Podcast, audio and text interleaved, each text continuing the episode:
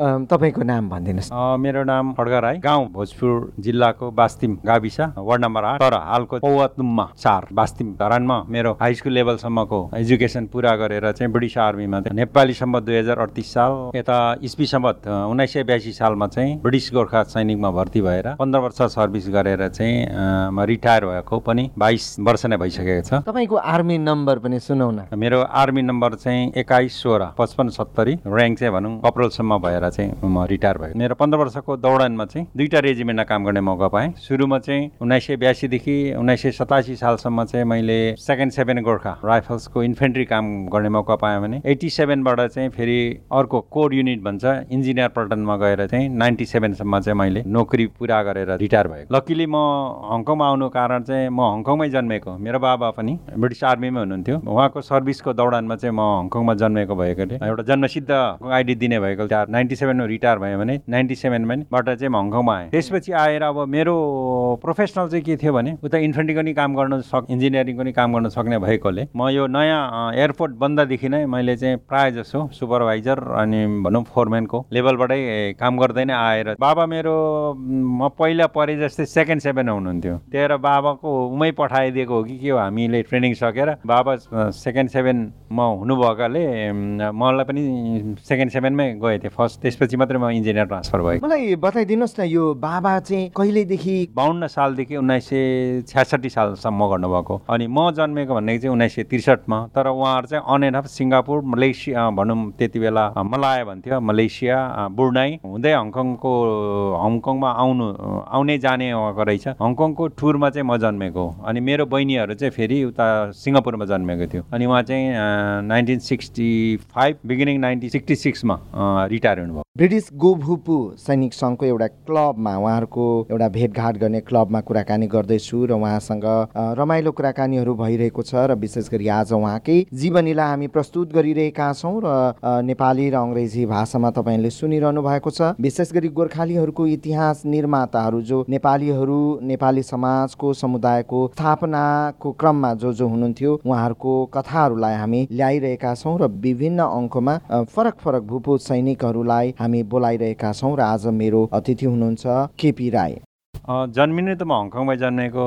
तिन टु चार वर्षको उमेर हुँदाखेरि चाहिँ यहाँबाट लगेर जानुभयो बाबाले। त्यसपछि उता भोजपुरमै लगेर भोजपुर गाउँ चाहिँ हाम्रो बास्तीमा उहाँ बाल्यकाल भनौँ न झन्डै ए, तेह्र चौध वर्षको उमेरसम्म प्राइमेरी त्यसपछि लोवर सेकेन्डरी स्कुलसम्म चाहिँ मैले गाउँमै नै बित पढ्यो त्यसपछि सेकेन्डरी स्कुलको लागि चाहिँ हाम्रो गाउँबाट स्कुल जानुको लागि धेरै टाढो। कि हाम्रो त हुनु त वारिपारि नै हो हाम्रो भोजपुर बजार। लोवर सेकेन्डरी पास गरेर चाहिँ मैले सेकेन्डरीको लागि चाहिँ धरानमा गएर चाहिँ पढ्नु सुरु गरेको। धरान कहाँ पढ्नुभयो? धरानमा चाहिँ म शिक्षा निकेतन स्कुलमा पढेँ अनि निकेतन स्कुलमा पढ्दा पढ्दै नै म एसएलसी नदिनै भर्ती भएँ। त्यो भएर चाहिँ अलिक यङ उमेरमा भर्ती भइयो भनौँ न। बाबाले गाउँ पुऱ्याउनु भएछ कि? कहीँ कतै सम्झना छ कि छैन तपाईँको बाल्यकालको? सपना जस्तो अलिअलि कता कता त्यो गाडीहरू कुदेको यस्तोहरू चाहिँ त्यो चार पाँच वर्षको उमेरमा चाहिँ मिस भएको हुँदो रहेछ। र गाउँमा बसेर आएर फेरि सहरमा बस्नु। धेरै कुरो सिक्ने मौका पाएँ। के बिदा यो औसत हाम्रो भूपू सैनिकहरूसँग जोडिएकोहरूको आर्थिक स्थिति त सम्भाव अलिक बेटर नै हुन्छ। इकोनोमिक स्टाटस चाहिँ कस्तो थियो? खासै अब त्यो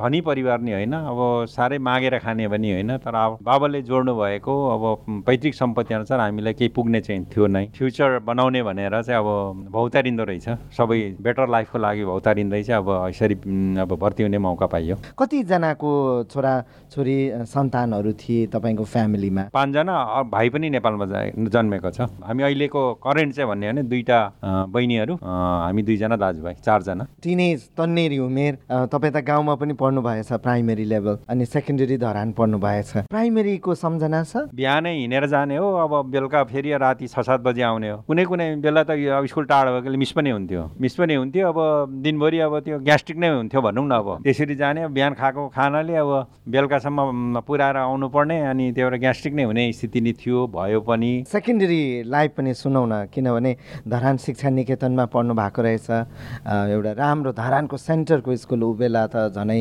राम्रो स्कुल थियो। अलिक मलाई पढ्नुपर्छ भन्ने चाहिँ पहिल्यैदेखि मलाई चाहिँ थियो। जस्तो गाउँमा चाहिँ एउटा टिचरले चाहिँ तिन चारवटा क्लास भ्याउनु पर्थ्यो भने जब धरानमा आएर चाहिँ सब्जेक्टको डिफ्रेन्ट टिचर पाउँदा चाहिँ मलाई चाहिँ एकदम खुसी लाग्यो पढ्नको लागि अनि एकदम मजा नै लाग्यो अनि पछि म टप्पर त भइनँ तर यसो अब हामी दुई सौभन्दा ज्यादा थियौँ एउटा क्लासमा भनौँ न। फिफ्टिन कोही बेला टप टेनसम्म चाहिँ अब नौ दससम्म पढ्दा चाहिँ आइपुग्यो भनौँ न। गाउँमा पढेको भए पनि। भर्ती हुनको लागि रिक्वायरमेन्टमा शिक्षा कतिको थियो? खासै थिएन। पाँच छ क्लास लेखाउँदाखेरि त्यो भइहाल्ने अहिलेको जस्तो धेरै कम्पिटिसन पनि थिएन। मान्छे फिजिकली फिट हुनु पर्थ्यो अनि उनीहरूको रिक्वायरमेन्ट अनुसार एक्सर्साइज गर्ने रनिङ गर्ने सबै हाम्रो पालासम्म पनि त्यति गाह्रो थिएन। जो सब उनीहरूको रिक्वायरमेन्ट अनुसार पुऱ्याएपछि अब हामी धरानमा बस्ने क्याम्प नजिक क्याम्पमा जाने अब त्यहाँ थियौँ अनि कस्तो के के हुँदैछ अगाडिको दाईहरूले के के ट्रेनिङ गर्दैछ हामीले अब नौ क्लासदेखि नै फलो गर्नु सुरु गरेँ। हाइट वेट पुग्यो अनि त्यहाँबाट ट्राई गरेको अब फर्स्ट टाइम नै मतलब भर्ती भएको। पढाइकै कुरा गर्ने नै हो भने म अब कतिलाई चाहिँ सरप्राइज पनि लाग्छ होइन? म अब फर्स्ट छुट्टीमा जाँदा मैले एसएलसी गरेको हो। अनि त्यसपछि यता आएर एजुकेसन पढ्नुपर्छ भनेर म फर्स्ट छुट्टी जानुभन्दा पहिला नै हाम्रो एउटा फर्स्ट क्लास हुन्थ्यो। फर्स्ट क्लास मैले सकिसकेको थियो जब अब फर्स्ट क्लास सक्यो अनि अब एजुकेसनमा चोइस गर्दाखेरि अब इन्जिनियरमा गइयो। इन्जिनियरमा जाँदाखेरि चाहिँ अब बेसिक हाम्रो इन्जिनियरिङ त अब पक्का रेक्रुट जस्तै हो। पाँच वर्ष सर्भिस गरेर फेरि अब तिन महिनाको फुल्ली इन्जिनियरिङ ट्रेनिङ गर्ने कोर्स गर्नुपर्छ। त्यसपछि मात्रै हाम्रो ट्रेड रेस आउँछ ट्रेडको ट्रेडमा पनि हाम्रो दुई किसिम हुन्थ्यो। कोही हङकङमा रन हुने अनि कोही चाहिँ युकेमा रन हुने। साठी पैँसठीजना सेकेन्ड सेभेनबाट इन्जिनियर आएकोमा म लक्की पनि भनौँ अथवा मैले खोजे पनि होला त्यस्तै हो। मैले चाहिँ मेरो एजुकेसनको ब्याकग्राउन्डले गर्दाखेरि मैले चाहिँ अनि मैले चाहिँ अनि युकेमा मैले चाहिँ कोर्स पनि गर्ने मौका पाएको थियो भर्ती भइसकेपछि अवसरहरू पनि प्राप्त भयो है? त्यो तर भर्ती हुनु चाहिँ कतिको हुन चाहिँ अलिकति इजी नै थियो भन्दै हुनुहुन्छ तपाईँले। तर पनि त नेपालमा गाउँभरिबाट युवाहरू भर्ती हुन चाहनेहरूको सङ्ख्या पनि त उस्तै थियो होला नि। अहिलेको जस्तो थिएन। त्यो समयमा अब एउटा गल्लामा उनीहरूलाई पहिल्यै सेलेक्टेड गरेर ल्याउने हो। त्यसमा जस्तो अब अहिले एक हजार छ भने त्यो समयमा एक सौ जस्तो थियो होला। अनि रिक्वायरमेन्टहरू पनि अहिले जतिको चाहिँ थिएन पहिला। के के गर्नु पर्थ्यो क्या? मतलब सेलेक्ट हुनलाई चाहिँ तपाईँलाई सम्झना छ? डेफिनेटली फिजिकली त फिट हुनै पर्यो। आफ्नो अब हाइट वेट त्यो साथसाथ चाहिँ आफूले अब उनीहरूले दिएको ट्रेनिङहरू जस्तो अब प्रेसर गर्नेदेखि लिएर सिटअप गर्नेहरू रनिङ गर्नेहरू त्यो सबै गर्नु पर्थ्यो। कतिजनाको सङ्ख्यामा भर्ती हुनु भएको थियो? सम्झना छ तपाईँलाई? त्यो समयमा हाम्रो प्लस माइनस फाइभ हन्ड्रेड भएको थियो पूर्व र पश्चिमबाट। लगभग पाँच सयजना कि हामीले भर्ती भयो भर्ती भएपछि काठमाडौँ ल्यायो। काठमाडौँ ल्याएपछि चाहिँ अब धरानमै हाम्रो आर्मीको युनिफर्म इस्यु भयो। अहिलेको जस्तो सुट लाएर ल्याउने चलन थिएन। आरएनएसीको चार्टर फ्लाइटमा ठक्कै हामीलाई चाहिँ अनि हङकङ नै लिएको जब तपाईँ सेलेक्ट हुनुभयो नि दाइ तपाईँलाई कस्तो फिल भयो के? अलिकति त्यो बेलाको माहौल सम्झना छ? जुन चाहिँ हामीले धरानमा चाहिँ अब ट्रेनिङ गरिरहेको थियौँ अब ट्रेनिङ गरिराख्दाखेरि चाहिँ अब सेलेक्टेड भएपछि एक किसिम मैले अझै मेरो परिवार इजी लाइफहरू अब सहर बजारमा हामीले जिउनु सकिन्छ। त्यो अब बाबाआमालाई नै मैले चाहिँ पाहाडबाट चाहिँ मुभ गर्नु सक्छु होला भन्ने चाहिँ आँट आउँदो रहेछ क्या अनि त्यसै ब्रिटिस आर्मी भर्ती भएपछि चाहिँ अब फेरि फ्युचर अलिकति सेक्युर चाहिँ के हो भने अब राम्रै गर्दै गयो भने अब पेन्सन पनि हुने बाबाको नै पेन्सन हुने। फ्यामिलीको केही लिफ्ट अप गर्नु सकिन्छ भन्ने चाहिँ आफूलाई भएर अनि एक किसिम भर्ती भएर खुसी नै लाग्यो। जुन दिन तपाईँलाई चार्टर प्लेनले हङकङ ल्यान्ड गर्यो कहाँ ल्यान्ड गरेको थियो होला कि त्यति बेला पुरानो एयरपोर्ट काइतकमा हो। काइतकबाट ल्यान्ड गरेर चाहिँ अनि त्यहाँबाट चाहिँ हामीले डाइरेक्ट ट्रेनिङ डेभोटमा लगेर चाहिँ पहिल्यै छुट्याएको हुँदो रहेछ। कुन मान्छे कुन सेक्सनमा जाने प्लटुनमा कुन कम्पनी कुन प्लटुन कुन सेक्सनमा जाने भनेर चाहिँ ठक्क उनीहरूले छुट्याइदिएर त्यहाँबाट चाहिँ त्यहाँको सेक्सन कमान्डरले हामीले रिसिभ गरेर चाहिँ अनि हाम्रो अरू युनिफर्महरू इस्यु गर्ने त्यो भएर चाहिँ अब कहाँ खाने कहाँ बस्ने कसरी अब एभ्रिथिङ उहाँहरूले चाहिँ हामीले चाहिँ सिकाउनुहुन्थ्यो स्लोली स्लोली उनीहरूले सम्पूर्ण ट्रेनिङहरू चाहिँ अब एकैचोटि नगरेर बिस्तारै बिस्तारै गरेर प्रेसर दिँदै दिँदै अब केपी राईको लागि हुन चाहिँ हङकङ आफ्नो जन्म थलो थियो अघि। तर पनि अब भर्ती भएर त पहिलोचोटि आए जस्तै त्यो दिनको सम्झना अहिले पनि सम्झिनुहुन्छ कहिले काहीँ अब यति। तर त्यो जुन फर्स्ट डे जुन दिन काइतक एयरपोर्टमा तपाईँ ल्यान्ड हुनुभयो नि त्यो कुनै सम्झना छ? यहाँको माहौल तपाईँहरू फर्स्ट डे आइपुगेको तपाईँको आफ्नो मेमोरीमा केही छ? त्यो समयमा अब कस्तो थियो भने अब कस्तो ठाउँबाट अब हङकङ जस्तो एउटा डेभलप कन्ट्रीमा आएर चाहिँ अब यहाँको अब गाडीहरूदेखि लिएर भनौँ बाटो यो ठाउँ त स्वर्गै जस्तो सम्झिँदो रहेछ कि त्यो समय त्यो किसिमले अब लग्यो तर अब फेरि हामीले चाहिँ क्याम्पभित्र राख्यो। त्यसपछि बाहिर देख्ने कुरो त आएन। बाहिर कोही कोही बेला अब ट्रेनिङमा जाने त्यो मुभ हुँदा कतै जाँदाखेरि मात्रै हो। नत्र भने अब यहाँको माहौल र अब हाम्रो कम्पेयर गर्दा नेपालको र यहाँको चाहिँ अब अहिले पनि त्यस्तै छ नेपालमा होइन? त्यो कतिको गाह्रो भयो क्या ट्रेनिङ? किन नौ महिना ट्रेनिङ हुन्छ प्रायः जस्तो गोर्खाजहरूको? त्यो समयमा हामी अब बाह्र चौधजना एउटा सेक्सनमा थियो। कस्तो भयो भने यहाँको हामीलाई त्यो समयमा खानै मन पर्थेन। एक किसिमको अर्कै किसिमको सेन्ट आउने। अनि पछि पछि त बानी हुँदै हुँदै गयो। अब त्यही मिठो हुँदै गएपछि होइन? र पनि त्यो अस्ट्रेलियन भेडा भनौँ न दुम्बाको मासु। त्यो त पछि ट्रेनिङ सक्ने बेलासम्म मन पर्थेन हामीलाई। खालि अब कुखुराको मासु अनि अन्डा र हामी। जस्तै ट्रेनिङको बेलामा चाहिँ तपाईँहरूलाई कहाँ कहाँ लान्थ्यो? जङ्गल अवश्य पनि त्यो इन्फ्रेन्ट्री ट्रेनिङहरू त हुन्थ्यो होला। हङकङको डाँडा काँडा नपुगेको चाहिँ ठाउँमै छैन भनौँ न ट्रेनिङमा। यो टाइमसन सराउन्डिङ एरिया सबैतिर हामी चाहिँ अब त्यही भएर पनि हामीले अहिले कुनै ठाउँमा गएर छोडिदियो भने फर्केर आउनुको लागि हामीलाई म्याप चाहिँदैन। म अहिले प्रायः सबैमा पुग्नु भएको छ। प्रायः यहाँको चाहिँ म सबैमा पुगेँ। फेरि आफू पनि गुरुजी भइयो गुरुजी हुँदाखेरि अब जुनियर लिडरसिप क्याडरको इन्स्ट्रक्टर गर्ने मौका पाएँ। त्यो बेला फेरि अब पहिले एकपल्ट पुगेको थिएँ नि पछि तिन चार दफै जानु पर्यो। किनभने अब प्लानिङ गर्नु पर्यो। त्यो भएर चाहिँ म मलाई चाहिँ हङकङको डाँडा काँडा चाहिँ धेरै नै फेमिलर छ भनौँ न यहाँको चाहिँ। इन्ट्रेस्टिङ कुरा आउँदैछ तपाईँको। गुरुजीहरूको सम्झना छ कि छैन? तपाईँको तपाईँ आफै पनि गुरुजीको फेरि सोधौँला। गुरुजी विभिन्न किसिमको हुनुहुन्थ्यो अब होइन। एउटा सेक्सनको मात्रै नभएर अब कोही कोही खराब गुरुजीहरू पनि हुनुहुन्थ्यो। अर्को सेक्सनको अर्को कम्पनीको।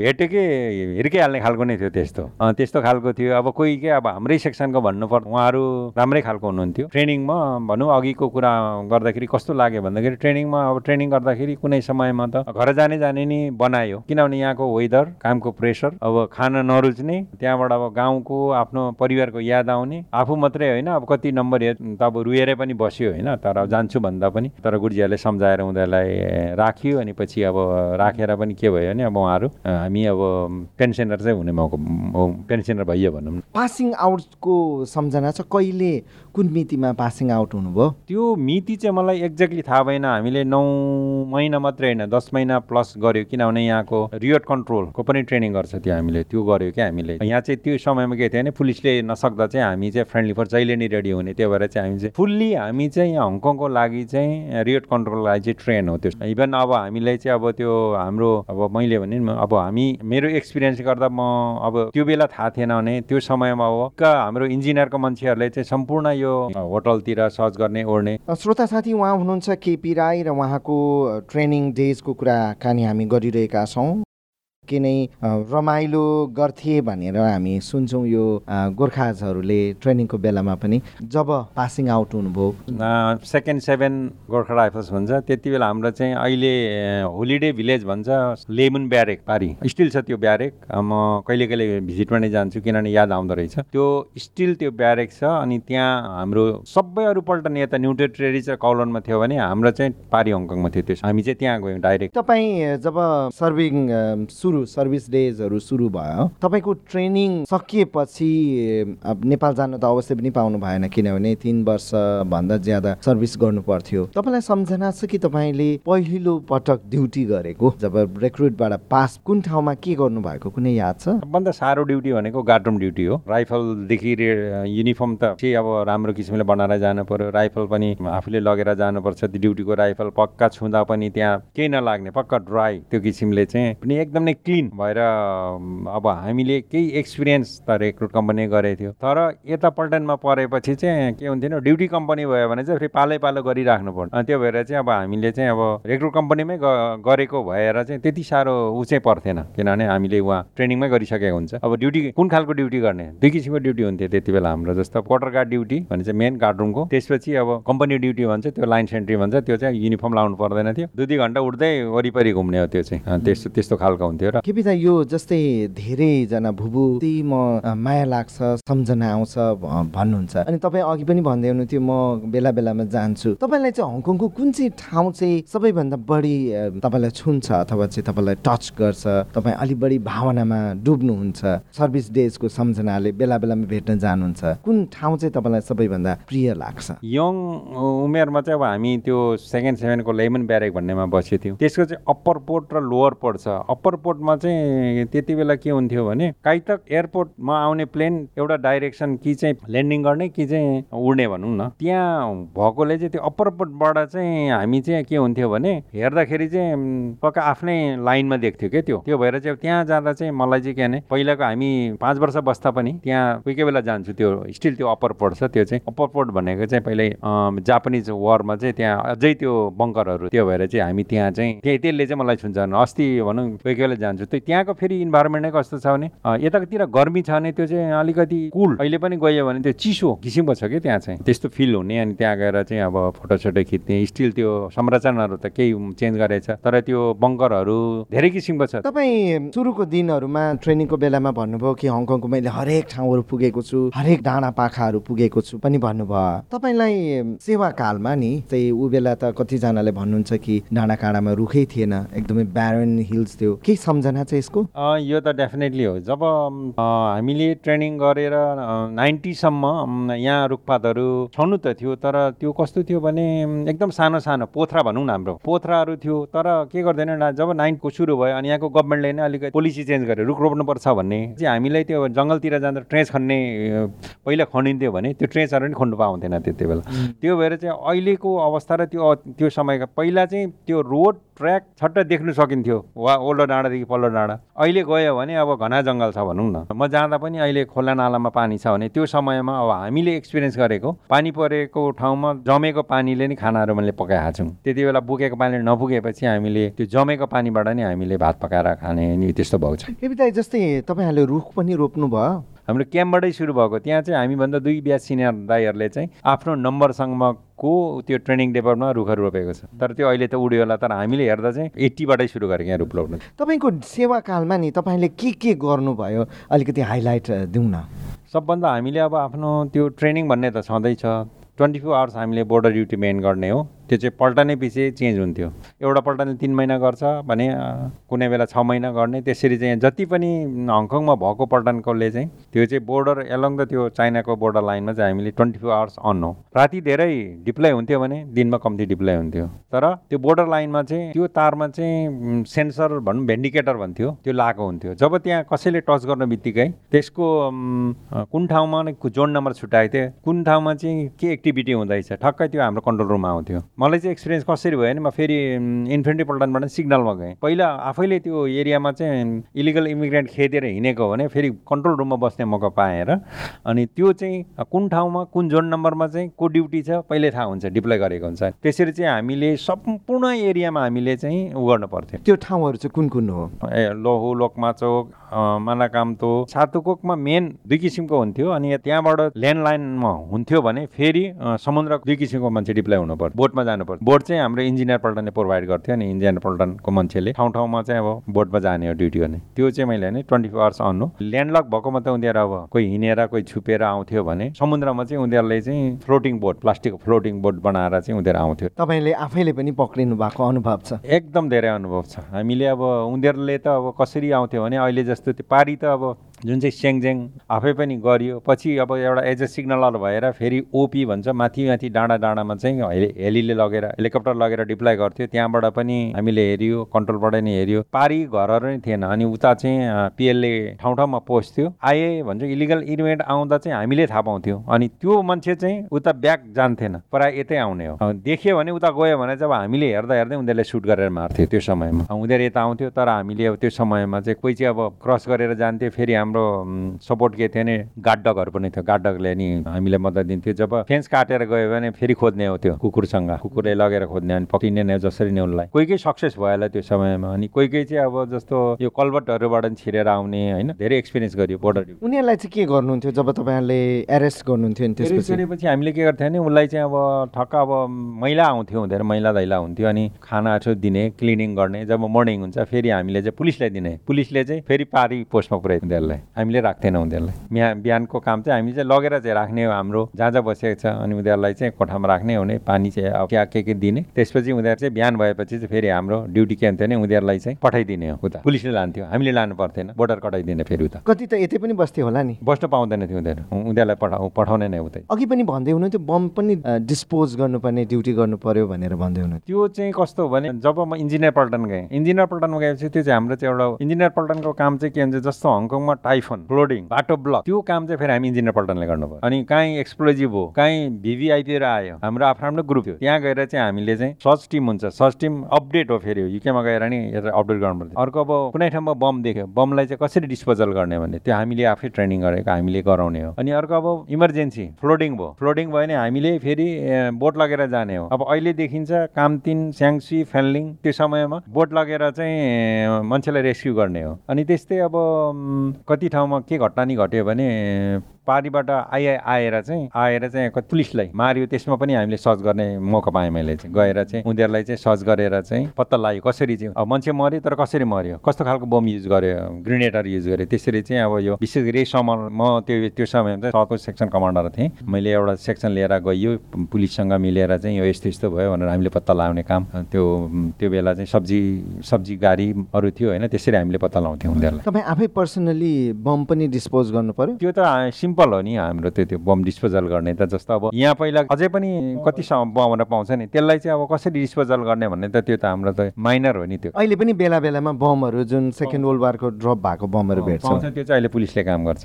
स्कुलहरू पुलहरू त्यस्तो पनि बनाउने काम गर्नुभयो? अफकोर्स हामी इन्जिनियरकोले त काम तिनमा त त्यो हाम्रो बेली ब्रिज अझै पनि थियो छ कि छैन। अब स्कुल यता चुनमुनमा हामीले रिफर्बिस गरेको अब हामी फिजिकल्ली सिभिलियनहरू एक्सेस हुनु सक्दैन थियो त्यहाँ हामीले रोड बनाउँथ्यो जहिले पनि। त्यहाँ जाने हो रोड बनाउन हामीले किनभने हामी त ओइल सबै ट्रेड भएको इन्जिनियरको मान्छे हो त्यहाँदेखि हामीले गएर चाहिँ उनीहरूले ठुलो प्रोजेक्ट नभए नि सानो सानो प्रोजेक्ट हामीले गर्ने हो। त्यसरी गर्ने हो। अनि त्यति मात्रै नभएर हाम्रो हङकङ बेसले चाहिँ यो एसियाको कुनै पनि ठाउँमा डिजास्टर भयो भने हामी गएर गर्ने हो। जस्तो यहाँदेखि हाम्रो Papua New Guinea Australia New Zealand Fiji हामीले अब कति ठाउँमा स्कुलबाट यो डिजास्टर हुँदाखेरि हाम्रो मान्छे गएर चाहिँ गर्ने हो। यहीँबाट पनि जानुभयो? यहीँबाट जाने हो। त्यस्तै हामीले नेपालमा पनि गएको नेपालमा नै गएर चाहिँ पल्ट त्यो मल्लेखुतिर पुलहरू भयो अनि त्यति बेला यहाँबाट चाहिँ हामीले पुलहरू लगेर बनाएको छ। त्यसपछि फेरि अब आर्मीलाई मात्रै नभएर सिभिल एडको कामहरू धेरै गर्छ। यति धेरै कामहरू गर्ने गर्नुभयो अनि पन्ध्र वर्षसम्म सेवा गर्नुभयो। ऱ्याङ्क चाहिँ कहिले कहिले बढ्यो एकचोटि सुनाइदिनु? ऱ्याङ्क त मेरो सुरुदेखि नै छिटो तर अब लास्टमा गएर चाहिँ अब त्यस्तै भयो। क्वालिफाइड भएर पनि अब पेन्सन जानु पर्यो। किनभने पल्टन सेपिङमा पर्यो हाम्रो। जस्तो चारवटा स्क्वाडनमा एउटा स्क्वाडन मात्रै राख्नुपर्ने भयो युकेमा। क्वालिफाइड नै हो त्यो समयमा सबै सम्पूर्ण कुरा जाने। अठहत्तरजना हामी तिन चारजना रहेको थियौँ। त्यति बेला मान्छे हङकङ छोड्ने भएकोले छाँटेको थियो। छाँटेको मात्रै अब हामी तर पछि अझै पनि अब छटाइमा चाहिँ अब भनौँ न अब फिल्ड ट्रुप भन्छ भन्छ। फिल्ड ट्रुपबाट दुईजना मात्रै सेलेक्टेड भएर गएको गएको हामी। सेवाकालमा कति फ्यामिली कति पाउनुभयो? कति वर्ष बस्नुभयो सँगै म्याक्सिमम् छब्बिस महिना हो परिवारसँग बसेको। छब्बिस महिना। पन्ध्र वर्ष सेवामा? पन्ध्र वर्षको सेवामा छब्बिस छब्बिस महिना हङकङमा फ्यामिलीवाला अरू बेला तपाईँ एक्लै बस्नुभयो? एक्लै हो। अनि छ महिना छुट्टी जानु पर्यो कोही बेला तिन वर्षमा छुट्टी जाइन्थ्यो भने कोही बेला चालिस महिना नि होला। कोही बेला तिस महिना पनि होला। तर परिवारसँग बस्ने मौका भनेको चाहिँ अलिकति त्यो समयमा छुट्टी छ महिनाको दिन थियो। छ महिना छुट्टी गएर चाहिँ एज अ सिभिलियन गाउँमा बस्ने अब जहाँ छ त्यहाँ परिवारसँग बस्ने। जब बिहा भएर आएपछि चाहिँ अब फ्यामिलीवाला हुन्छ फ्यामिली पाएपछि उसको पहिला तिन वर्ष पाउँथ्यो भने पछि दुई वर्ष भयो कसैले छब्बिस महिना पायो। हाम्रो टुरमा चाहिँ दुई वर्षदेखि छब्बिस महिना त्यति मात्रै फ्यामिलीवाला हुने मौका पाएको कहिले ल्याउनु भयो फ्यामिली चाहिँ? नाइन्टी टूदेखि नाइन्टी फोरसम्म। विवाह चाहिँ अघि भन्दै हुनुहुन्थ्यो कि सेकेन्ड छुट्टीमा मात्रै गरे? एटी एटमा हो। नाइन्टिन एटी एटमा बिहा गरेर। अनि छोडेको। विवाह गरेर श्रीमती उहीँ छोड्नुभयो। नेपालमै छोडेर अनि त्यसपछि विवाह गरेपछि नानी छोरी पनि जन्मेको मेरो एटी नाइनमा। त्यो छोरी मेरो यहीँ छ अहिले। श्रोता साथी उहाँ हुनुहुन्छ केपी राई र उहाँ ब्रिटिस गोर्खा एक्स सर्भिसम्यान एसोसिएसनको भाइस चेयरम्यान पनि हुनुहुन्छ। तपाईँ उपाध्यक्ष पनि हुनुहुन्छ। संस्थाले के गर्दैछ हङकङमा? धेरै पाकाहरू छन् होइन? तर उहाँहरूले अलिकति यता आउने क्लबमा बस्ने अलिकति उहाँहरूको हेल्थले पनि धेरैजना चाहिँ सत्तरी कटिसकेको छन्। हाम्रो हिसाब किताबमा नभएको नि पैँसठी कटेको छन्। त्योभन्दा मुनिको कम्ती नै छन्। अब यहाँ साधारण अब कहिले कहिले भेला हुने हो तर अब अहिलेको कोभिड नाइन्टिनले गर्दा हाम्रो भेला हुने मौका पनि धेरै कम्ती त्यो भएर चाहिँ हाम्रो खासै अहिले हाम्रो यस्तो एक्टिभिटी उस्तो एक्टिभिटी केही पनि लास्टली बाबा आमाहरूको नाम पनि भनिदिनुहोस् न। बाबा आमा श्रीमती छोरा के गर्दैछन्? यसो सुनौ। अब मेरो बाबा त अब हुनुहुन्न। छिटै बित्नुभयो। उहाँको नाम चाहिँ रन्दोज राई। आमा धरानमा हुनुहुन्छ। आमा अहिले अस्सी वर्ष पुग्नु भएको छ। आमाको नाम मिठुमाया हो। मिठुमाया राई। मेरो मिसेस यहीँ छ। अर्चना लिम्बू राई भनौँ न। अब म भइहालेँ मेरो छोरी एउटा नेपालमा पढ्दैछ भने एउटा यहाँ मास्टर सकेको तिन वर्ष अगाडि हो। यहीँ बाप्टिस्टबाट सक्यो। आफै काम गर्छ। एउटा छोरा मेरो यहीँ नै होम होम गइसक्यो भन्दा नै भयो।